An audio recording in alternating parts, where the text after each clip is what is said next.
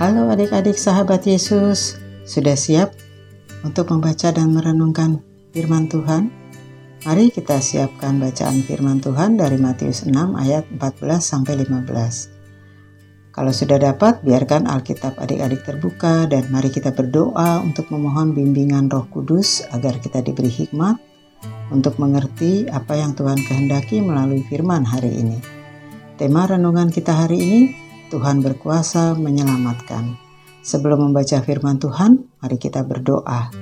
Tuhan Yesus yang baik, terima kasih untuk penyertaan dan pemeliharaan Tuhan dalam hidup kami, karena kami masih diberi kesehatan dan sukacita. Tuhan, kami ingin membaca dan merenungkan firman-Mu. Kiranya kami diberi hikmat untuk bisa mengerti akan firman-Mu dan mampukan kami untuk dapat menjadi pelaku firman-Mu dalam kehidupan kami setiap hari. Dalam nama Tuhan Yesus, amin. Adik-adik, kita baca firman Tuhan dari Matius 6 ayat 14 sampai 15. Karena jikalau kamu mengampuni kesalahan orang, Bapakmu yang di sorga akan mengampuni kamu juga. Tetapi jikalau kamu tidak mengampuni orang, Bapakmu juga tidak akan mengampuni kesalahanmu. Demikian pembacaan firman Tuhan hari ini. Nats ayat kita hari ini Matius 6 ayat 14. Karena jikalau kamu mengampuni kesalahan orang, Bapakmu yang di sorga akan mengampuni kamu juga. Adik-adik, hari ini kita akan berkenalan dengan Bapak Stephen McDonald. Dia dikenal sebagai salah satu orang yang memberikan teladan tentang mengampuni. Yuk, kita simak kisahnya. Bapak Stephen McDonald adalah seorang polisi di kota New York.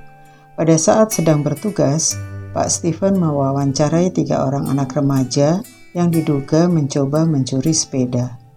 Tidak disangka, salah satu dari anak remaja tersebut merebut pistol Bapak Stephen dan menembaknya tiga kali.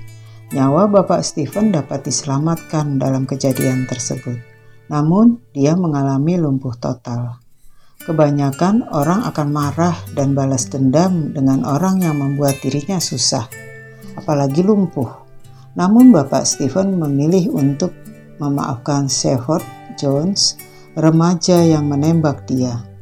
Bapak Stephen banyak berbagi motivasi dalam berbagai acara tentang perlunya kita mengampuni orang lain.